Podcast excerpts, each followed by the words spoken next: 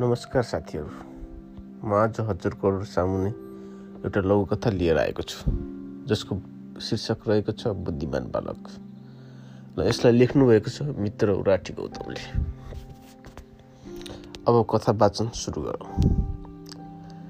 च्याला मजदुरी गर्ने उनीहरूको छोरो प्रवीणलाई उनीहरूले विद्यालय भर्ना गरिदिए।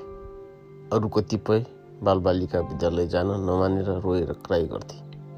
तर प्रवीण भने खुरु खुरु विद्यालय जान थाल्यो। बरु बिदाको दिन पनि विद्यालय जान खोज्थ्यो किनकि विद्यालयले दिवा खाजा कार्यक्रम सञ्चालन गरेको थियो। कहिलेकाहीँ घरमा खाना खाने व्यवस्था नमिल्दा ऊ भोक विद्यालय जानुपर्ने बाध्यता हुन्थ्यो। विद्यालय पुगेपछि उसलाई कति बेला खाजा पाक्ला भन्ने प्रतीक्षा रहन्थ्यो। जब खाजा पाउँथ्यो ऊ फुरुङ्ग हुन्थ्यो। विद्यालय अचानक दिवा खाजा व्यवस्था गर्न नसक्ने निर्णय गर्यो। दिवा खाजाको लागि सम्पूर्ण अभिभावकले बालबालिकालाई टिफिन बक्स किनिदिनु पर्ने र नियमित खाजा पठाउनु पर्ने खाजा पठाए बापत दैनिक रु पन्ध्रको दरले मासिक रुपियाँ भुक्तानी गर्ने दिने निर्णय पनि भयो। कक्षा शिक्षकले विद्यार्थीको टिफिन बक्स हेरी दैनिक हाजिर लिन्थे। टिफिन बक्समा खाजा भए नभएको एकिङ गरी अभिलेख राख्थे। सधैँ सबैको बक्स खोलेर हेर्न जरुरी थिएन। टिफिन बक्स उचालेर त्यसको तौलको आधारमा खाजा ल्याए नल्याएको थाहा पाइहाल्थे कक्षा शिक्षकले।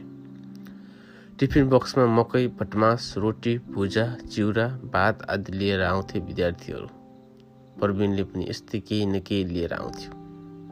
बिहानै बाबामा मजदुरीमा निस्केकाले आज केही खाजा खान राख्न सकेन प्रवीणले खाजा बिनाको टिफिन बक्स भएमा त्यो दिनको पैसा मिल्दैनथ्यो एक त दिउँसो खाजा खान नपाउनु अर्कोतिर खाजा बापतको पैसा पनि घुम्ने सङ्कटमा पऱ्यो पर्ने नियमित जस्तै कच्चा शिक्षकले सबैको टिफिन बक्स उचाल्थे।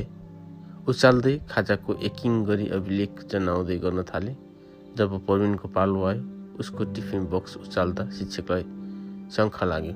टिफिन बक्स अरूको तुलनामा अस्वाभाविक गोरु थियो।